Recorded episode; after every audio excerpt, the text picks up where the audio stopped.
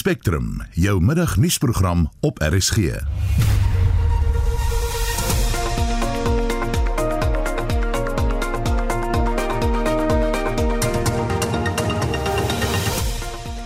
die volgende uur kraan water in die Nelson Mandela Bay Metro oorskry sekere microbiologiese limite.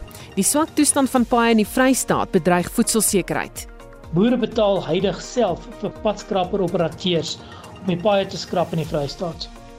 Statistiek oor padongelukke en sterftes gaan maandeliks bekend gestel word en die konstitusionele hof hoor Janus Wanlu se appel aansoek aan om op parol vrygelaat te word. Die redakteur is John Estreisen, produksieregisseur Johan Pieterse en ek is Susan Paxton.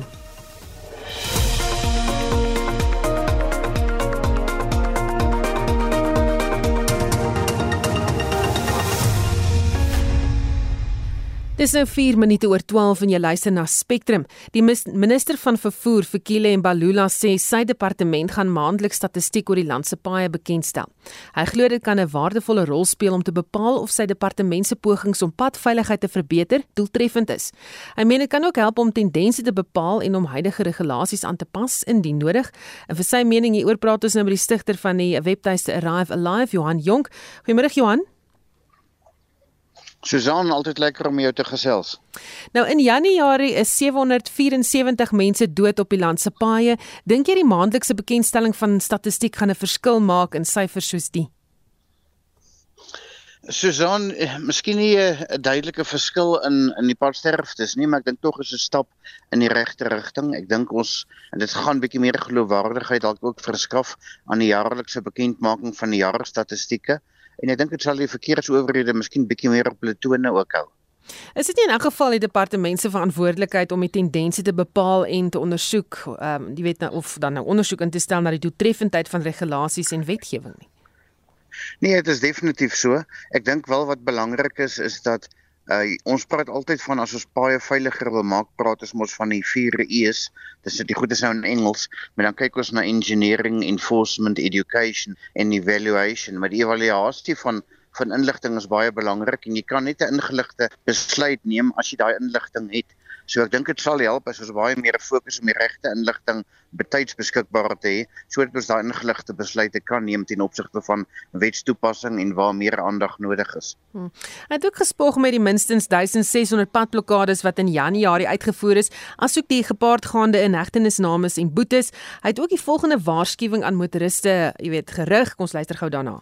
Drunken driving operations will be scaled up starting on Thursdays and continue throughout the weekend. The message we want to emphasize is that there will be no more Puza Thursdays, and those who want to drive must organize alternative transport.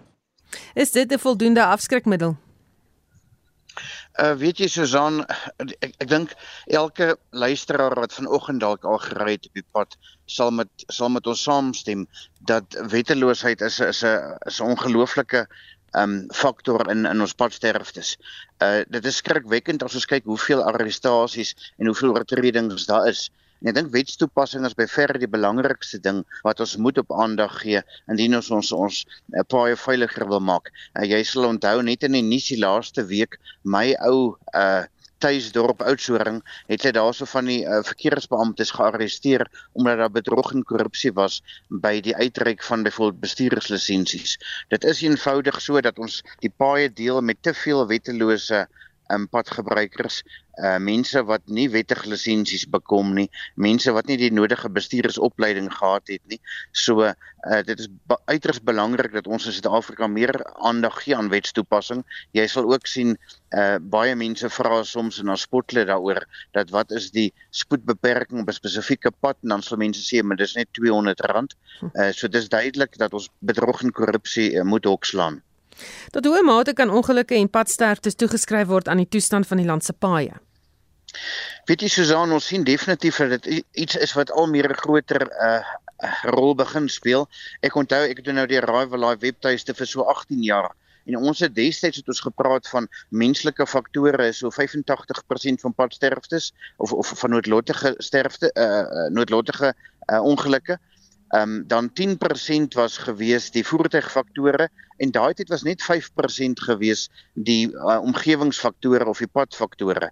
Ons begin al meer kry ongelukke waar mense uh, se bande uh, slaggate tref of waar mense uitslaai vir slaggate en waar daar veral in die landelike gebiede uh, ons nasionale paaie is in baie goeie toestand, maar ons begin al meer ongelukke kry as gevolg van swak paaie in die landelike gebiede. Nou as jy nou so na die statistiek kyk wat gister bekend gemaak is, dink jy die minister kwyt om goed van sy taak om die landspaaie te beveilig? Weet jy Susan, dit is 'n gevaarlike vraag ook, weet jy, maar ek is seker hy uh, het nou met die Raaiwala webtuiste gewerk uh, met so ongeveer 7 ministers, ek dink in die afgelope uh, 18 jaar of so. Uh jy weet, daar word baie gepraat ek se graag wil sien en daar word mooi goed gepraat, maar uiteindelik gaan alles afhang van wat op die grond gaan gebeur in die volgende jaar uh oor hoe goed hulle van hulle taak kwyt. Baie dankie, dit was Johan Jonkie stigter van die webtuiste Arrive Alive. Vrystaat Landbou sê die regering voldoen nie aan hulle eie dienslewering verantwoordelikhede nie terwyl birokrate in die top swaar Vrystaatse provinsiale paaie departement steeds hulle salarisse ontvang. Die organisasie het gereageer op die swak toestand van paaie in die provinsie en die minister van vervoer, Fikile Mbalula wat aangekondig het dat daar nie meer geld is om die infrastruktuur te herstel nie. Op die stadium is daar 'n werklike moontlikheid dat die Vrystaatse plaaslike en provinsiale padnetwerk binne die volgende paar jaar in een kan stort, sê Vrystaat Landbou. Dit sal miljoene mense van basiese en kritieke kritieke dienste afsny, waarsku Dr Jack Armer, die kommersiële bestuurder van Vrystaat Landbou. Dis maar dieselfde storie elke jaar hierdie tyd. Eh, wanneer die begroting opgedroog het en almal wag nou vir die volgende nuwe begroting. Indien al die grondvlak personeel aangestel was, sou hulle kon aangaan met herstelwerk. Maar heidag is daar bitter min grondvlak personeel oor en daar is te veel direkteure wat die salarisbegroting opgebruik. Boere betaal heidig self vir padskraper operateurs om die paaie te skrap in die Vrystaat. Ons paaie is die lewensare wat die landelike gebiede waar die voedsel geproduseer word met die stedelike gebiede koppel waar dit geprosesseer en geëet word. Ons paaie se situasie is besig om 'n impak op die voedselsekerheid en bekostigbaarheid te hê. Dit is glad nie volhoubaar nie. En dit was Dr Jack Armer, die kommersiële bestuurder van Vrystaat Landbou. Môre middag sal die minister van Finansies Enoch Godongwana sy jaarlikse begrotingsrede lewer. Die rede sal omstreeks 2 uur plaasvind. Agri Weskaap hoop dat die minister van Finansies Enoch Godongwana tydens sy begrotingsrede ook die nodige aandag aan landboukwessies sal gee. Die bestuurshoof van Agri Weskaap, Janie Strydom, sê hooplik sal die minister ingrypings veral in infrastruktuurverbeterings aankondig. Van die jaar se staatsrede het sterk klem gelê op uitdagings wat tans ewige druk op die landbousektor plaas. Agri Weskaap hoop dus dat minister Enoch Kodongwana tydens sy begrotingsrede hierdie jaar aandag sal gee aan hierdie landboukwessies. En hierdie kwessies is onder andere belastingkoerse en veral die brandstofheffing en uh die primêre landbouprodusente kan eenvoudig op hierdie stadium nie 'n verhoging in die algemene brandstofheffing en padongelukke fonds bekostig nie. En vertrou ons dat die minister geen verdere heffings sal aankondig nie. Aksiesbelasting op alkohol is ook iets wat ons graag sou wil dophou dat dit ook nie buitensporig verhoog word nie. Maatskappyebelasting is ook vir ons kommerwekkend en gaan dit oor die wysiging van artikel 20. So Agri Weskaap hoop daarom dat hierdie wysiging nie in die komende finansiële jaar geïmplementeer word nie en dat dit eers wyd gekonsulteer en die omvang van die wysigings goed deurdink sal word en aangespreek word voordat daar finale besluit geneem word. Dan wat risiko en rampulp aan betref, het die Nasionale Rampsentrum in Julie 2021 reeds die droogte wat talle produsente in die Wes-Kaap, Noord-Kaap en Oos-Kaap geknou het, as nasionale ramp verklaar. Dit is steeds egter nog nie vir ons duidelik wat die omvang van die uh, en die formaat van die ondersteuning gaan wees nie en, en hoop ons dat die minister vir ons goeie nuus in die verband het. Wat infrastruktuur en veiligheid natuurlik betref, het die president in sy staatsrede na verskeie ingrypings verwys wat wat hulle aandag aan aan infrastruktuur gaan gee en ons as Agri Weskaap sal graag wil sien wat die minister aankondig in terme van die finansiële ondersteuning in daai verband. Agri Weskaap sien ook dan uit na die finansiële ondersteuning wat daaraan opleiding en die aanstelling van die 12000 addisionele polisielede gegee gaan word wat president Ramaphosa na verwys het. En dit was Janie Strydom, die bestuurshoof van Agri Weskaap. Nou meeste ekonome is dit eens dat hy iewers nog geld uit belasting sal moet verdien, maar dat die belastingbetaler tans te swaar trek om verder belas te word. Ons praat dan met 'n ekonom aan die Noordwes Universiteit, professor Waldo Kriel hieroor. Goeiemôre Waldo. Goeiemôre Susan. Wat sal jy wil hoor uit die begrotingsrede? As Susan, ek dink as mens so luister na die begrotingsrede, dan klink dit baie soos weet een ding na die ander. Bestedingsbeloftes, baie keer dan begee die minister nog die bedrag oor die 3 jaar periode, dan kom die sondebelastings. Maar daar is 'n paar goed wat ek dink jy jou oor voor kan oophou as jy nou soos 'n ekonom beluister. En en die belangrike een is dat die staatsfinansies is onder druk. Uh, dit lyk of die minister so 200 miljard rand se ekstra belastinginkomste gekry het die afgelope jaar, maar dit gaan nie so aangaan nie. Hy moet baie streng wees oor besteding om die skuldlas te verminder. Uh, en daar's 'n klompie goed wat dan nou vir ons 'n aanduiding gaan gee of hy hou by hierdie plan. En uh, hy sal verseker seker iets moet sê oor hoe om die ekonomie te laat herstel post-COVID verseker ek dit is ek dink mens moet mooi besef wat kan die begroting vir jou doen. Uh hy kan praat oor beleid en hervorming, maar die begroting self is eintlik maar 'n opsomming van die regering se besteding en belasting en is vas binne 'n 3 jaar mediumtermyn raamwerk. So hy speel in binne dit uh maar ons kan nie anders as om te verwag dat hy moet voortgaan met die planne wat hy al oor gepraat het in die mini begroting in November nie. Hmm. Dink jy gaan Peter aan die petrolprys? Wat van staatsinstellings? Die, die petrolpryse is, is nou baie in die nuus, uh, maar ek dink nie so nie. Uh dit dit is vir die regering 'n baie goeie en maklike bron van inkomste en en selfs as hy uh wel aan daardie berekening sou verander of aan die belasting sou verander, is dit nie altyd so duidelik wie almal die voordeel daarvan gaan kry nie. Dit help nie hy hy verminder die die die prys uh, maar dit bereik nie die verbruiker nie en die die taxi bestuurder hy sê daai geld in sy sak. Ehm um, so ek dink nie daar nie. Uh, die staatsondernemings uh, hy het in die November begroting gepraat van tough love. Uh, maar ek dink ons moet kyk of sê hy iets oor reddingsboeie vir Denel, die poskantoor, Sanral. Uh, dit is groot vraagstukke. En dan uh, iets wat dalk aandag gaan moet geniet is befondsing vir onderrig veral op tersiêre vlak. Ja, ek dink dit is nou 'n area waar daardie afkope of die trade-offs waarvan die president gepraat het in sy staatsrede baie relevant is. Uh, ons weet NSFAS is onder finansiële druk, die universiteite se begrotings is verlede jaar gesny, onbetaalde klasgelde is nou al miljarde rande se skuld. Nou en en dan weet ons ook hierdie hoër opleiding is belangrik. Hoë vlakvaardighede is wat ekonomiese groei moet dryf, maar dan sal net sulke groot krisisse op primêre vlak Uh, so hoe maak mens daardie afkope? En ek dink ongelukkig is die antwoord is polities. Uh studente is ook kiesers. Uh en hulle is polities aktief en die regering gaan dit baie moeilik vind om vir hulle te sê dat daardie besteding gesny word. Baie dankie. Dit was professor Waldo Kriel, ekonom aan die Noordwes Universiteit. Nou ons het môreoggend in monitor ons beriggewing oor môre middag se begrotingsrede voort. Daar word verwag dat die minister van Finansies, Enoch Godongwana, bykomende welsynstoelaas sal aankondig, dalk ook nuwe belastings en dalk ook salarisverhogings vir staatsamptenare. Aan die ander kant kan hy dalk staatsbesteding besnoei as deel van 'n herstruktureringsoefening of dalk nuwe toegewings vir maatskappye en ander maatreëls om werkskepping te stimuleer. Maar wat verwag jy as 'n landsburger van die begrotingsrede. Wat sou jy graag wil hoor? Stuur vir ons 'n stemnota na 0765366961. Daardie stemnota nommer 0765366961 gesels saam oor wat jy graag wil hoor in hierdie begrotingsrede. 17 minute oor 12, die ma van 'n jong vrou van George in die Wes-Kaap wat skuldig bevind is aan dwelmaanklagte in Thailand sê, die familie probeer hulle uiterste bes om haar deur die regsproses by te staan en haar terug huis toe te bring. Die 22-jarige Ashley Oosthuizen het Suid-Afrika in 2018 verlaat om Engels oor see te onderrig. Sy is in 2020 tronk toe gestuur en is die doodstraf opgelê, maar dit is later na 'n lewenslange vonnis van 25 jaar verander. Tanya Krause doen verslag. Ashley word deur haar ma as deernisvol en 'n omgee mens beskryf. Dit is hoekom sy haar droom wou volg om Engels in die buiteland te gee. Sy het egter haar werk verloor weens 'n probleem met haar kwalifikasie. Kort nadat sy by haar kerel se restaurant begin werk het, is sy in hegtenis geneem. Dit nadat sy geteken het vir 'n pakkie wat dwelms bevat het en vir hom bedoel was.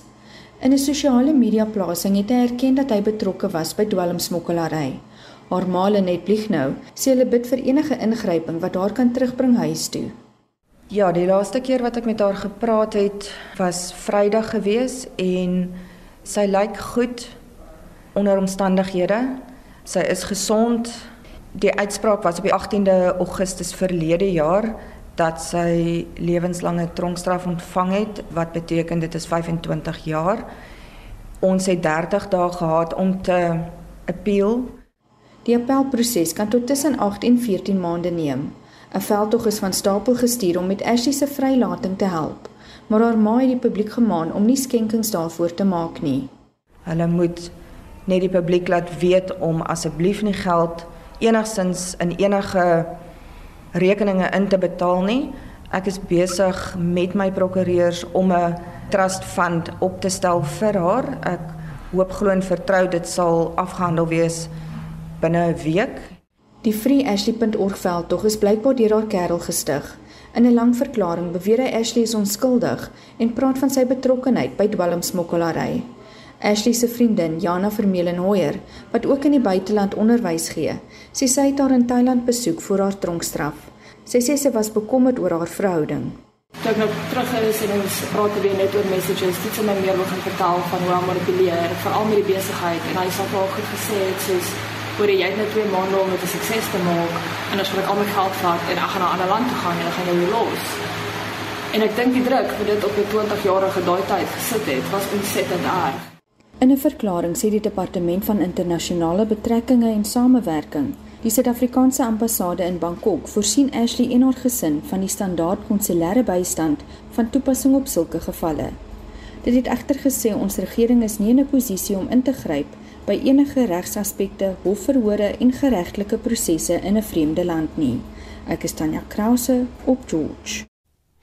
Die minister van polisie, Bekkie Cele, het gister tydens sy getuienis voor die Menseregte Kommissie oor die onluste wat verlede jaar in Gauteng uitgebreek het, gesê dat polisie traag was om op te tree omdat hulle families gedreig is. Kom ons luister gou na wat hy gesê het. Besides that police themselves did have a problem, they could have done much better. There was a big campaign of delegitimizing them. Not only that, even scaring them. So you slow them down. I remember there was a message that tell all those police that are living in Umlaz not to come back Umlaz. Even if they don't come back, they won't find their wives and their children. Nou is die minister van polisie Bekkie Cele en die woorde gaan voort en 'n bietjie later gaan ons daaroor berig, maar dit laat die vraag wat is die regte van stakers? Wanneer word dit 'n misdadige optrede eerder as 'n betoging om 'n kwessie uit te lig? Ons praat met Dr. Johan Burger, 'n konsultant by die Instituut vir Sekuriteitsstudies in die Justisie en Geweldsvoorkomingsprogram. Goeiemôre Johan. Goeiemôre Susan. Jy het nou gehoor wat die minister van polisie gesê het oor intimidasie van die polisielede se families en selfs die polisielede. Suid-Afrikaners het die reg om te staak, maar as dit op 'n punt kom dat die polisie gedreig word, jy weet, is dit dan nog 'n staking? Ja, dit is skokkend natuurlik. Jy weet dat uh, ons in hierdie dag en tyd 'n situasie het waar polisielede op hierdie wyse uh, gedreig en geïntimideer word. Ehm um, jy weet 'n mens kan aanvaar as as dit die bedreiging teenoor hulle familie is ehm uh, dat hulle jy weet dat hulle waarskynlik geïnhibeerd sal voel in die wyse waarop hulle hulle verantwoordelikhede uitvoer. Maar hoe ook al sê, dit bring my by hierdie hele kwessie van ehm um, die regte en verantwoordelikhede. En dit is waar. Ek meen ons hoofstuk 3 van ons grondwet ehm uh, handel oor oor ehm um, die regte almal van ons se regte. Ehm uh, maar daar is bitter min wat enige iemand sê oor die hele kwessie verantwoordelikhede. As jy vat hoe die wet op die regulering van byeenkomste byvoorbeeld uh oor die jare aangepas is om uh mense wat by byeenkomste van watter aard ook al of dit nou stakings is of protesaksies is, ehm um, jy weet da, die wet is by wyse van hofuitsprake en so meer so aangepas uh dat dit uh al hoe meer regte en vryhede gee vir uh groepe wat proteseer in stel. En dit bring my uit by die onvermydelike vraag. Ehm um, as hulle al almal van ons hierdie regte het, wat is ons verantwoordelikhede dan? En hoe word ons aanspreeklik gehou? En ek dink dit is waar ons 'n uh, ernstig tekortskiet is om mense wat in die uitoefening van hulle regte hulle self ook dikwels vergryp aan aan verskeie forme van misdadigheid, net eenvoudig nie ehm um, uh, verantwoording doen vir vir daardie vergrype nie. En en veral waar dit op 'n georganiseerde basis plaasvind, waar jy byvoorbeeld vakbonde betrokke het. Jy weet, 'n vakbond kan nie net eenvoudig gaan en 'n ding organiseer en agterna terugstaan en sê maar ehm um, jy weet mense het op hulle eie opgetree of dinge op uh, waar hulle uh ehm um, onwettig opgetree het, uh, het hulle op hulle eie opgetree nie. Daar moet een of ander nuwe vorm van 'n sosiale kontrak of ooreenkoms kom waar uh, wat wat alle rolspelers betrek waar daar ook besluit word op die mate van aanspreeklikheid van diegene wat hierdie goed reël. En dit sluit nou die vakbonde in. En ek dink dit op die oomblik behoort ons uh volgende groot ehm um, noem dit nou maar 'n uh, uh doel te wees is om rondom die beskikbare wetgewing of bestaande wetgewing ook by hierdie tipe van uh, sosiale uh kontrak uit te kom wat al die rolspelers betrek, by die mm. polisie, departement arbeid en ander. Ja. So dit ook geld, jy weet, 'n maand gelede is twee sekuriteitswagte griesam vermoor. Een is letterlik gestenig tydens die Clover-staking. Ons hoor nie dat die vakbonde wat die staking gereël het enigsins verantwoordbaar gehou word vir hierdie gebeure nie. Ja, dit is 'n baie baie goeie voorbeeld. Uh hierdie mense staan nou terug. Hulle hulle uh ek hoor hulle nie in elk geval nie in die in die media dat hulle hulle uitgespreek het uh hier uh, teen teen hierdie tipe van van misdadigheid nie en moorddadigheid en en uh hulle staan nou terug. Jy weet feit van die saak is daar is 'n daar's baie duidelik 'n gees geskep onder daardie mense wat hulle gedryf het uh tot die diepe van van van 'n misdadigheid wat ons daar gesien het. En en jy weet die vakbonde wat dit gereël het kan nie nou net terugstaan en sê maar dit is nie deel van wat hulle gedoen het nie. Maar dit is behalwe aanspreeklikheid, jy weet daar moet daar moet duidelik tasbare riglyne van die vakbonde se kant af kom aan hulle lede waarin hulle hulle lede uh duidelik uh uitstippel uh, wat van hulle verwag word en wat hulle nie toegelaat sal word om te doen nie. En dan moet daar behoorlike beheer van die vakbonde afkom oor hierdie mense. Ek het niemand gesien uh in die video materiaal wat wat gesirkuleer is wat uh van die vakbonde se kant af of dan van daai groep moordenaars uh wat probeer het om daardie uh optrede uh, te stuit nie. Almal het baie lustig meegedoen uh daaraan. So daar moet 'n groot verantwoordelikheid met 'n meer direkte verantwoordelikheid van van die organiseerders soos die vakbonde vereis word. Hmm. Nou ons weet daar is probleme in die polisie leierskapstruktuur, maar is dit dan regverdig om die polisie en selfs die weermag in 'n situasie te plaas wat dan lewensgevaarlik kan wees? Ongelukkig uh uh Susan is is die polisie en die weermag in 'n sekere sin as hulle uh, uh ter ondersteuning optree, maar ek meen uh, dis mense wat veronderstel is om om in gevaarlike situasies op te tree. Die polisie is die sogenaamde uh, dun blou lyn wat op die voorgrond is. Hulle word juis opgelei om in gevaarlike situasies hulle self te kan handhaaf en en hulle kry die nodige toerusting om dit te doen en natuurlik moet wanneer hulle in situasies ingestuur word, moet hulle bevelvoerders seker maak dat hulle in voldoende getalle ontplooi word om daardie gevaarlike situasies te kan hanteer. Maar gevaar is deel van 'n polisielid se werksamehede. Dit is byna onvermydelik, maar die ehm um, die organisasie, die polisie en die staat het 'n verantwoordelikheid om te verseker dat daardie gevaar ehm um, uh, geminimaliseer word en dat die betrokke lede toegerus word en in voldoende getalle ontplooi word om sulke situasies te kan hanteer. Baie dankie. Dit was Dr. Johan Burger, 'n konsultant by die Instituut vir Sekuriteitsstudies en Justisie en Geweldsvoorkomingsprogram. Ons het vroeër gepraat oor die begrotingsrede wat van die ekonome verwag. Ek sien ons het 'n klomp mense wat sommer klaar saamgesels. Uh Christa van Brits wat sê ek sou graag wil hoor dat die toelaag aan kinders met kinders gestaak word want dis onnodig. En nog iemand wat sê ek wil graag sien dat pensionaars kwyt geskeld word van belasting aangesien ons lewe ons ons lewe lank al betaal het aan pensioenfonde en dan word ons weer belas op die bietjie pensioen wat ons kry. Dis Henny Moenie wat laat weet. Nou stuur dan sommer vir ons daardie boodskappe in 'n stemnota. Ons gaan dit môreoggend in Monitor speel na 0765366961 0765366961. Wat wil jy hoor uit hierdie begrotingsrede wat môre gaan plaasvind? Dan stuur jy vir ons 'n stemnota 0765366961.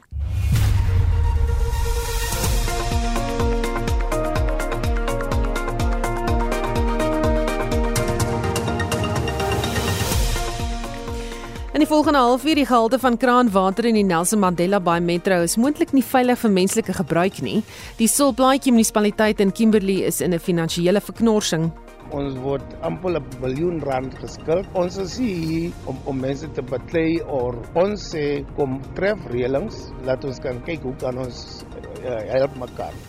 Die VN se sekretaris-generaal veroordeel Rusland se besluit om wegbreekstreke van Oekraïne te erken. Bly ingeskakel.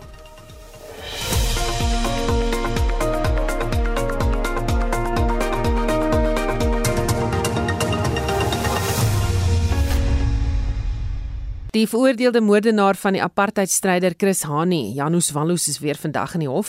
Hy doen aansoek by die konstitusionele hof in Braamfontein om die appelhof se uitspraak dat hy nie op parol vrygelaat kan word nie om te keer.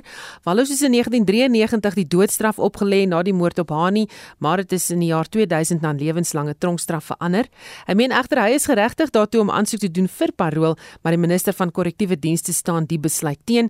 Daar word ook nou gevra dat die paroolproses in sy geheel hersien moet word in die open openbare belang en die SAK verslaggewer Ntebo Mkobo volg die verrigtinge. Good afternoon Ntebo. Susan, good afternoon and good afternoon to the listeners. Who testified today?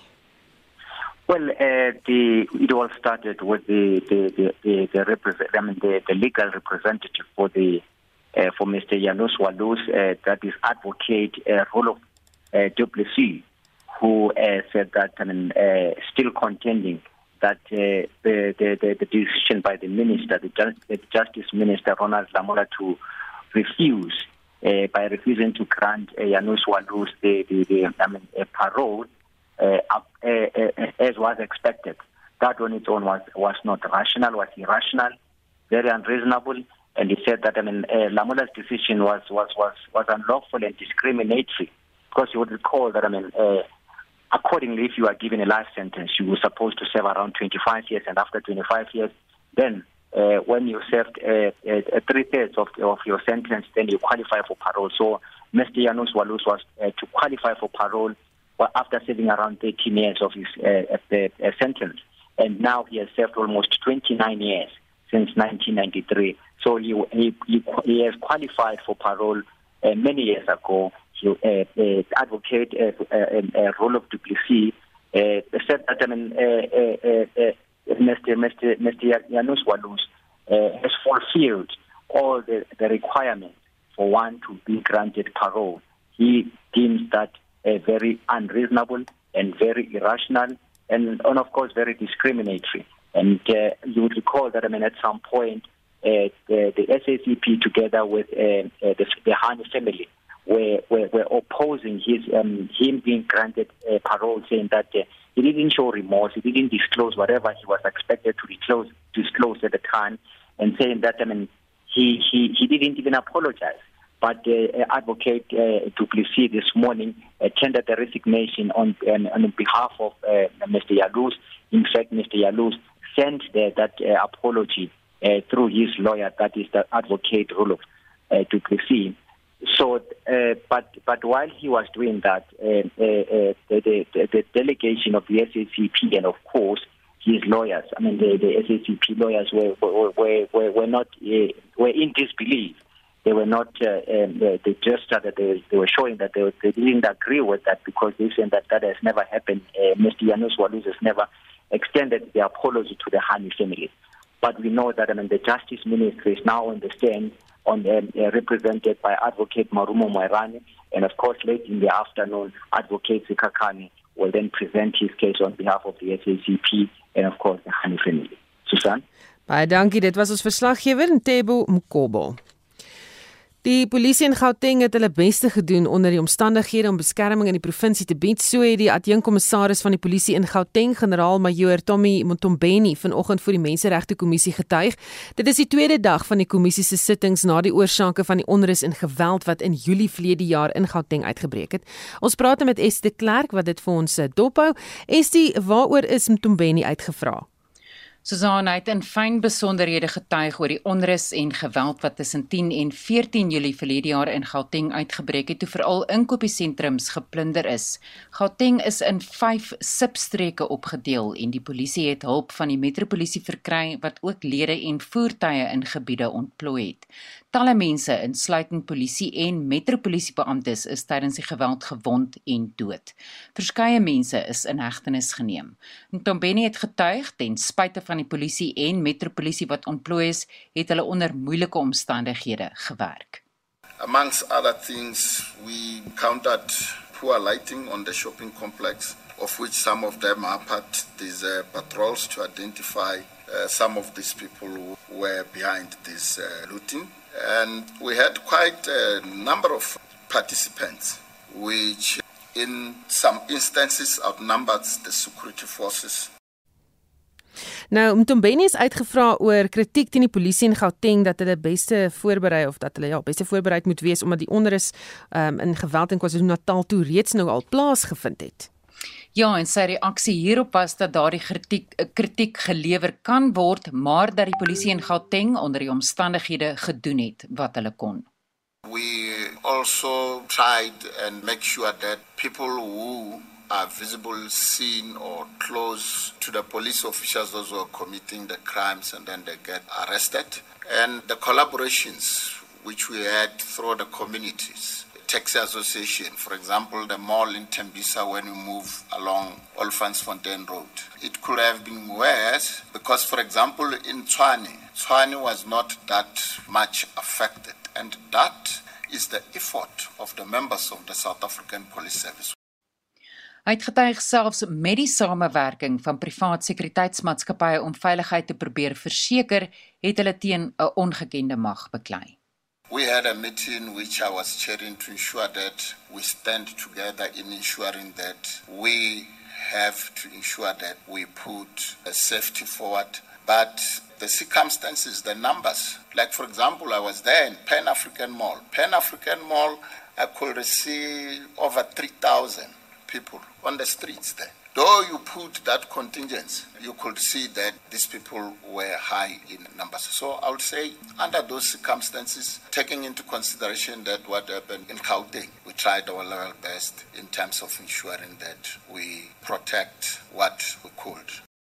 En dit was die adjunkkommissaris van die polisie in Gauteng, generaal-majoor Tommy Mtombeni, wie se getuienis voor die kommissie steeds voortduur. En dit was Estie wat vir ons die verrigtinge daar dophou. Rusland het sy weermag ontplooi na twee sogenaamde wegbreekstreke van Oekraïne wat deur Russiese separatiste beheer word. Dit volg op president Vladimir Putin se aankondiging gisteraand dat Rusland die twee streke as onafhanklik van Oekraïne erken. Oekraïne se president Volodymyr Zelensky sê hulle is nie bang nie en dat die land niks aan Rusland gaan afstaan nie. Rusland meen die weermag gaan vrede handhaaf in Donetsk en Luhansk, maar Brittanje meen dat hulle besig is om die land in te val. Die VS het gereageer op sanksies of met sanksies en die VN Veiligheidsraad beskou die stap as oortreding van internasionale wetgewing. En vir haar mening praat ons nou met 'n politieke ontlede verbonde aan Unisa professor Joansi van Wyk. Uh, Goeiemôre Joansi. Goeiemôre Susan. Hier word gepraat van twee wegbreekstreke wat erken is deur Rusland. Presies wat beteken dit en wat is die implikasies? Goed, wat ons nou sien is dat dit is twee um, gebiede aan die ooste kant van Oekraïne wat aan Rusland grens. Nou daar was historiese bande tussen hierdie uh, gebiede, maar um, vir geruime tyd die afgelope dekades of meer het hierdie groepe natuurlik nou baie streng um, op etniese gronde hulle self georganiseer en soveel so dat hulle toenemend hulle nou in die Russiese invloedssfeer be bevind het. Rusland het hulle dan nou um, ekonomies en finansiëel um, in ander um, gebiede um, bygestaan en natuurlik nou 'n goeie teelaarde geskep vir hierdie ehm um, bewegings wat nou gebeur. So dieselfde argument ongeveer wat Rusland gebruik het in 2014 toe dit die Krim skiereiland geannekteer het, het dan nou ook die weg gebaan vir die gebeure wat ons nou hier sien. Soveel so dat die ehm um, Putin dan nou ehm um, die die Tweede Republiek, die Volksrepubliek van Donetsk en uh, die een van um, Luhansk um, erken het.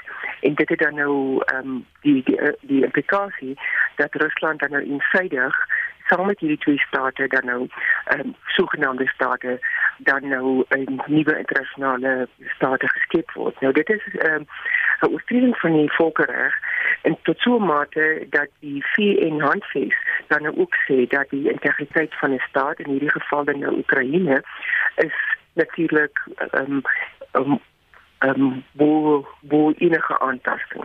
En Putin het dit natuurlik nou gedoen.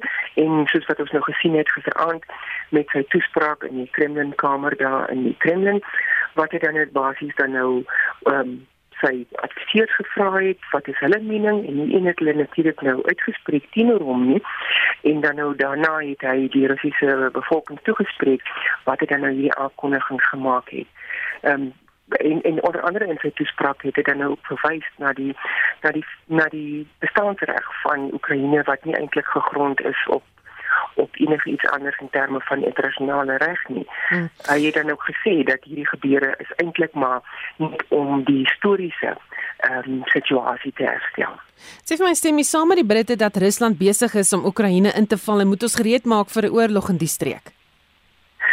Susan, dit lyk my daar's tamelike bewegings op die oomblik. Uh, natuurlik is intelligensie baie skaars hier oor. Um, Kubra, die Britse eerste minister se binnekring het vergader. Dit lyk my die Amerikaanse Veiligheidsraad um, en adviseurs het ook vergader en dieselfde dan nou met die Europese Unie. So daar's tamelike bewegings aan die gang sowel as die um, Joint Expeditionary Force in die noorde van Europa lyk my is ook besig. So dit daar's tamelike troepe bewegings en intelligensie bewegings beweging wat tog as 'n as 'n um, teenvoeter vir die Russiese beweging is. Daar is 'n paar basies wat ehm um, bietjie van skote wat oor weer geskiet word en um, skirmishes wat ons in Engels um, kan noem. Ehm um, so die spanning loop maar baie hoog en Rusland soos wat Putin ook gister aangesê het, is sal is eintlik daar op uitnodiging van hierdie mense wat bedreig word volgens hulle dan nou deur uh, Oekraïne en wat dan hulle etniese bestaan bedreig. So ek dink ons is in vir 'n spanningsvolle dag of twee. Dit wil ook voorkom as op die veiligheidsraad um, nie eintlik veel ehm um, resultate gelewer het toe hulle gisteraand 'n noodvergadering uh, byeengekom het nie. En dan laastens net is daar iemand wat hierdie situasie kan ontlont wel eintlik net Putin. Ehm um, want hy is, hy is die man met sy vinger op die sneller. En ons weet dat hy 'n man is wat regtig sake tot op die spits kan dryf en hy wil hier met belangrike oorwinnings wegstap. Simbolies natuurlik, maar ook um, ekonomies. Die Europese Unie en die Amerikaners en Britte het begin om sanksies dan nou in te stel. Um, Boris Johnson dink ek gaan vanmiddag daaroor praat. Die Europese Unie het vanoggend selfs die ehm um, um, president van Oekraïne het sy bevolking toegespreek vroeër vanmiddag omtrent so half uur gelede.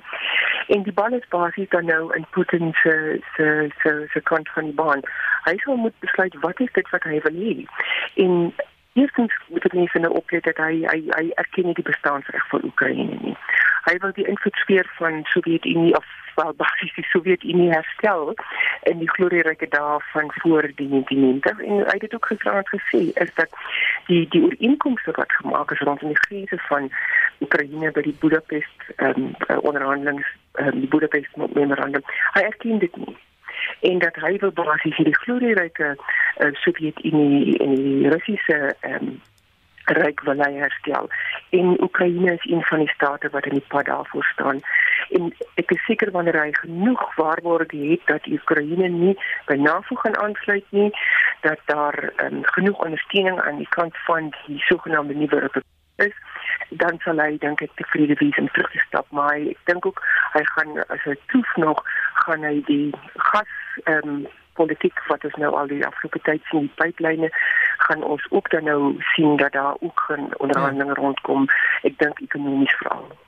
Baie dankie. Dit was professor Joansi van Wyk 'n politieke ontleder verbonde aan Unisa Die Nelson Mandela Bay Metro se waterkrisis verdiep. Benewens die dreigende dag sero en die voortsleepende droogte in die Oos-Kaap, het die metro nou ook bevestig dat die water wat wel beskikbaar is, se gehalte nie veilig vir menslike gebruik is nie. En vir meer besonderhede praat ons nou met Eugene Johnson, Nelson Mandela Bay Metro se burgemeester. Goeiemôre Eugene. Goeiemiddag. En goeiemiddag aan al die luisteraars. Sê vir my, wat is die oorsaak van die verslegtende watergehalte in Nelson Mandela Bay? Ons ons damme vlakke, ons damvlakke is baie laag. So outomaties wanneer jou damvlakke baie baie laag is, verander jou water. En baie omdat daar baie werk gedoen was aan die die die die die water wat kyk jou water is mos nou rou. Nou moet jy as chemikalieë en goede ingooi in die water sodat die water verbee uh, reg word om te gebruik.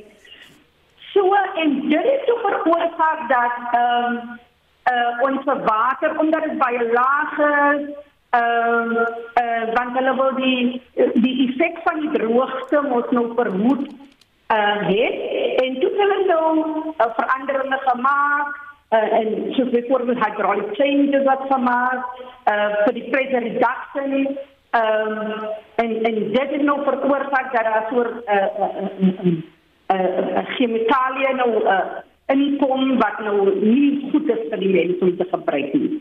Hmm. Uh, uh, because die, die water wat nog uit die verskillende damme gaan, gaan in die pype. En daai water wat in daai pype gaan, was toe nou 'n uh, 'n uh, 'n uh, uh, soort van ehm um, uh, veroorsaak dat die kwaliteit nou 'n uh, uh, nie goed genoeg is nie. Die water is verander van kleur en toe hulle nou toets gedoen en toe vind hulle uit dat die water uh, kan dalk veroorsaak dat uh, mense nou siek kan word en so voort. Maar uh, toe stuur ons dit nou vir toetse en ons wag nou vir die toets om terug te kom om te kyk is dit regtig baie baie gevaarlik vir mense om die water te gebruik ja. maar intussen uh, het ons nou gevra vir mense dat hulle maar nou ons, ons moet mense laat weet. Jy weet ons jy moet vir mense sê luister dat die ding wat daar kan kom.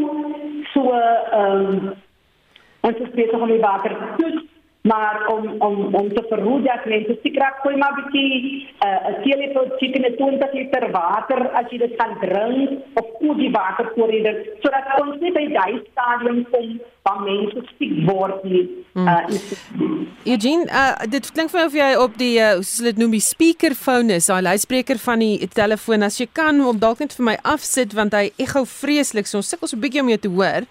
Ehm um, Dis af nou, dit is reg nou. Daar's dit klink al bietjie beter. Um, net so laasens is daar 'n strategie in plek om hierdie krisis te probeer oplos. Ja, kyk ons het ons het die krisis ons beskou die krisis nou as 'n baie groot 'n 'n 'n 'n krisis. Ons het vanoggend gewoon moet ons is besig om die damme te besoek om te kyk watter dam veroorsaak kyk because jy die verskillende damme, die Groendal, die ander damme, hierdie verskillende damme wat en daai damme se water gaan deur een pyp wat die watervoorsiening doen.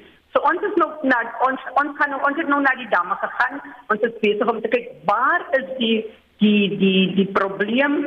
Ons is ook besig om 'n tipe van 'n independent 'n consultant te kry wat nou die vat die die die die water vir ons kan toets.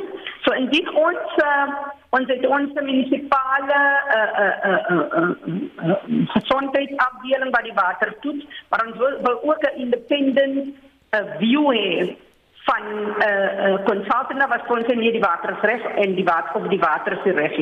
Ons het want ons het gesê oh, daarom uh, on moet ons van vanoggend af moet moet ons elke 4 uur want uh, die toetse kom nou later terug dan gaan dit nou vir ons sê wat wat die die die hmm. situasie kwaliteit van die water nou is. Hulle het ook nou klorien uh, ingegooi in die water om te kyk dat dit verbeter om die water nou regte sodat die water reg kan kom. Uh um, ja, so dit is wat ons besig is om te doen want dit moet uh um moet volgens die standaarde vereisen ja. uh, uh wie Goed, dis ongelukkig alwaar vir ons tyd het, maar ek dink ons kry die boodskap daar. Dit was Eugene Johnson, die burgemeester van die Nelson Mandela Bay Metro. Die Sulplaatjie munisipaliteit in Kimberley in die Noord-Kaap sê hy is in 'n finansiële verknorsing. Staatsdepartemente, ondernemings en behoeftige huishoudings skuld die munisipaliteit sowat 1,5 miljard rand. Gevolglik kan die munisipaliteit nie sy Eskom rekening vereffen nie. Ander munisipale dienste word ook deur die wanbetaling geraak en Jamie Verhoef doen verslag.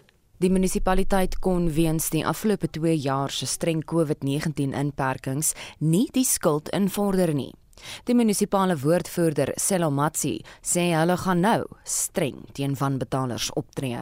Diegene wat kan betaal, moet kom in reëlings kom tref met die munisipaliteit. Wat on, wat ons nie gaan doen is om soos in die hele ding te doen asof dit 'n public stand of 'n public relations ding nie. Ons is sedert 2020 was ons altyd besig om mense wat die reëlings tref en, en betaal nie om hulle se dienste te blokkeer. Ons word amper 'n biljoen rand geskuld. Ons is hier om om mense te beklei of ons sê kom tref reëlings, laat ons kan kyk hoe kan ons uh, help mekaar. Die uitvoerende hoof van die Noord-Kaapse Kamer van Koophandel en Nywerheid, Sharon Stein, sê dis hoogtyd dat diegene wie se rekeninge agterstallig is, se munisipale dienste afgesny word. Sy maak veral haar stem dik teen regeringsdepartemente wat skuldig is. Dis onregverdig. Dit, dit dit kan nie so werk nie. So die geld moet betaal word en die kwessie is waar is die geld wat betaal is? Daar is baie mense wat betaal, so wat maak die munisipaliteit met die geld? Punt is almal sukkel. Hoe gaan ons dit doen? Ek dink Soplaatjie moet nou tot 'n punt kom en ophou sê ons gaan en hulle moet doen. Intussen spreek inwoners van Kimberley gemengde reaksie uit oor die munisipaliteit se invorderings-veldtog. Dit is reg om die krag af te sny daar wat mense kan betaal en nie wil betaal nie. Maar dit is hartseer om te sien dat uh, veral uh, pensionaarsse en uh, mense wat amper niks geld het, moet sukkel om elektrisiteit te betaal. Omdat die mense 'n besigheid bedryf moet hulle kan betaal en ek dink as hulle hulle se reg om te kan betaal vir die water en ligte om die munisipaliteit uit die krisis wat dit is uit te kan kry. Anders kan dit beteken dat die munisipaliteit moet meer dienste voorsien sonder om enige inkomste te ontvang terwyl hy uitgawe is. Die verslag van Katlego Morapella in Kimberley, ek is Jean Marie Verhoef vir SAK nuus. Vir die jongste oor wat op die finansiële markte gebeur, sluit Renier van Sail nou by ons aan, hy se portefeuljebestuurder by Efficient Private Clients. Goeiemôre Renier. Goeiemôre en goeiemôre aan almal wat luister. As ons wegspring met die plaaslike markte, sien ons dat die mark in die rooi verhandel, die alle aandele indeks en ons top 40 indeks is laer met so 0.7% vir die dag. Nou Hulle word saaklik laer getrek deur ons banke wat waar is met so 1.2% en ons hulpbronne is op Hulle is so op met so 0.1% vir die dag. Die grootste verloders is uh, uh Ballawolf wat laer is met so 7.5% vir die dag en net die Rockcastle, die eiendomsgroep, is laer met so 3.3%. Die grootste merkwaardige wenner is Sasol wat op is met 3.3% op die rug van natuurlik sterker oliepryse rondom die bekommernisse rondom Rusland en Oekraïne. En dan sien ons ook dat Northern Platinum, die mynbougroep, is op met so 1.6%. Die rand het klein bietjie verswak swak van vanoggend se vlakke. Hy staan op die oomblik teen 15.14 teen die dollar, 20.55 teen die pond en dan 17.20 teen die euro. Nou as ons kyk na ons kommoditeite, is goud uh, 0.2% laer op 1894 dollars per fyn ons en soos ek voorgenoem het, is die prys van Brent olie lekker sterk op 98 dollars 46 per vatjie Brent. Die Amerikaanse markte was gisteraand gesluit vir hulle presidentsiële dag en meeste markte in Europa verhandel tans in die groen en dit staan al van my kant af. En dit was Renier van Selle portefeuljebestuurder by Efficient Private Clients. Sosiale media is aan die gons oor die datum wat vandag 'n palindroom is, 20220222. Maar wat is 'n palindroom? Die hoofredakteur en uitvoerende direkteur van die Woordeboek van die Afrikaanse taal, Dr Willem Botha, verduidelik. Volgens die Woordeboek van Afrikaanse taal is 'n palindroom 'n woord, 'n sin, 'n gedig of 'n getal wat na regs en na links dieselfde lees. Nou in Afrikaans is die meeste mense seker bekend met daai kortetjies. Ons kan hom noem 'n palindroompie, soos Kok en sy meer ongeskikte broer, Lol en Pop. En ek dink 'n baie bekende een is ook Lepel. So dis nie iets wat mense aktief aan dink nie. Dis dis nou maar net dis 'n woord wat voor en agter toe selfe lees. Ja, ek dink uh, ons gebruik almal die woorde sonder om te besef dat hy van links en na regs die dieselfde lees. Ek was nogal een aand beïndruk met Valiant Swart. Hy het by een van sy vertonings verwys na 'n palindroom en ek dink 'n uh, baie groot persentasie van die gehoor het daardie aand vir die eerste keer gehoor van die verskynsel van 'n palindroom. 'n uh, Interessante een is knalplank. Uh, Hy's minder bekend, maar knalplank is ook 'n uh, palindroom. Dit is daardie twee plankies, die wit en swart plankies wat hulle op mekaar slaan as hulle 'n rolprent maak of 'n uh, televisie opname doen wat beteken goed, nou gaan die kameras rol, ons gaan begin. Maar uh, Susanne mens kry ook eie name wat palindrome is. Die bekende gewese redakteur van die Burger, meneer Ebbe Dommese, sy voornaam Ebbe lees van voor en agter dieselfde en natuurlik ook 'n naam soos Otto. Jy kan 'n hele sin maak met palindrome. Daar's 'n Nederlandse sin wat net bestaan uit palindrome wat in die Woordeboek van Afrikaanse taal verskyn en hy lui soos volg: Anna Kortrok deed Reinier Otto lepelpap nemen. Anna Kortrok het Reinier Otto 'n lepelpap laat neem. Nou in Nederlands is al daardie woorde palindrome. Gold log, don't nod, kayak stats. Hope pop, puff up, party trap. No Stetson, pause a sap. Grab our dumb, draw, oh coward. Sex is lonely, Tylenol. Lepers repel, moth has a ham. Niagara.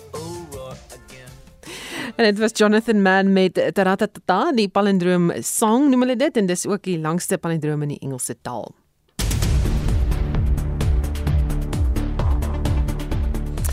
Die burgemeesterskomitee lid vir omgewingsdienste en gesondheid in Kaapstad, Patricia van der Ros het bevestig dat gerugte oor ingewandskoors in die munisipale watervoorraad vals is. Jomery het meer oor die en ander ontwikkelende stories. Ja, van der Ros sê die gevalle van ingewandskoors in die provinsie is geïsoleerd.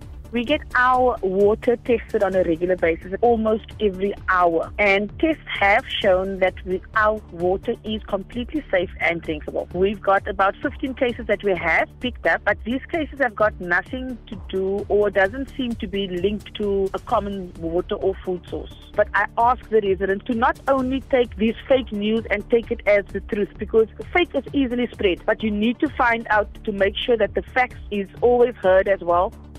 Sy het ook 'n paar wenke vir die voorkoming van die verspreiding van ingewandskoors. Please do wash your hands when you're done in the toilet. Wash your hands before you prepare your food. Wash your fruit and vegetables and meat before preparation to make sure that those germs are also washed off because we never know with the people handling the food what you can carry or what germs you can carry. Die Hitsmerk Rosettenwil is heel bo aan Twitter se lys van besproke onderwerpe. Een van die polisiebeamptes wat gister tydens 'n transito rooftog in Rosettenwil, suid van Johannesburg gewond is, het vroeër vandag in die hospitaal aan sy beserings gesterf. Internasionale nuus in Brittanje word 'n noodvergadering gehou oor Rusland se erkenning van twee wegbreekstreke in Oekraïne. 'n Noodvergadering hieroor word in Downing Street 10 gehou. Intussen die volgende waarskuwing van die Britse premier Boris Johnson. I just want everybody to be in no doubt that if Vladimir Putin continues down this track of violence, of aggression, of a full scale invasion, of encircling Kiev itself, which is what he seems to be proposing to do, it is absolutely vital that that conquest of another European country should not succeed and that Putin should fail. En op 'n ligter noot, soos wat ons vroeër met Dr Willem Botha van die WHT bespreek het, is die hitsmerk Tuesday vandag gewild en nee, dis nie Tuesday soos in Dinsdag nie, maar Tuesday soos in die dag van twees. Vandag is 'n palindroomdag, die tweede van die tweede maand 2022 en vanaand om 22 minute na 10 sal die digitale horlosie 22 22 22 lees. En dit was Jammery Verhoef. Onthou om jou stemnotas te stuur oor wat jy graag in die begrotingsrede wil hoor na 0765366961 is 0765366961. Ons het namens ons uitvoerende regisseur Nicoline de Weer, die redakteur John Estreys en die produksieregisseur Johan Pieterse. Ek is Susan Paxton bly ingeskakel vir 360.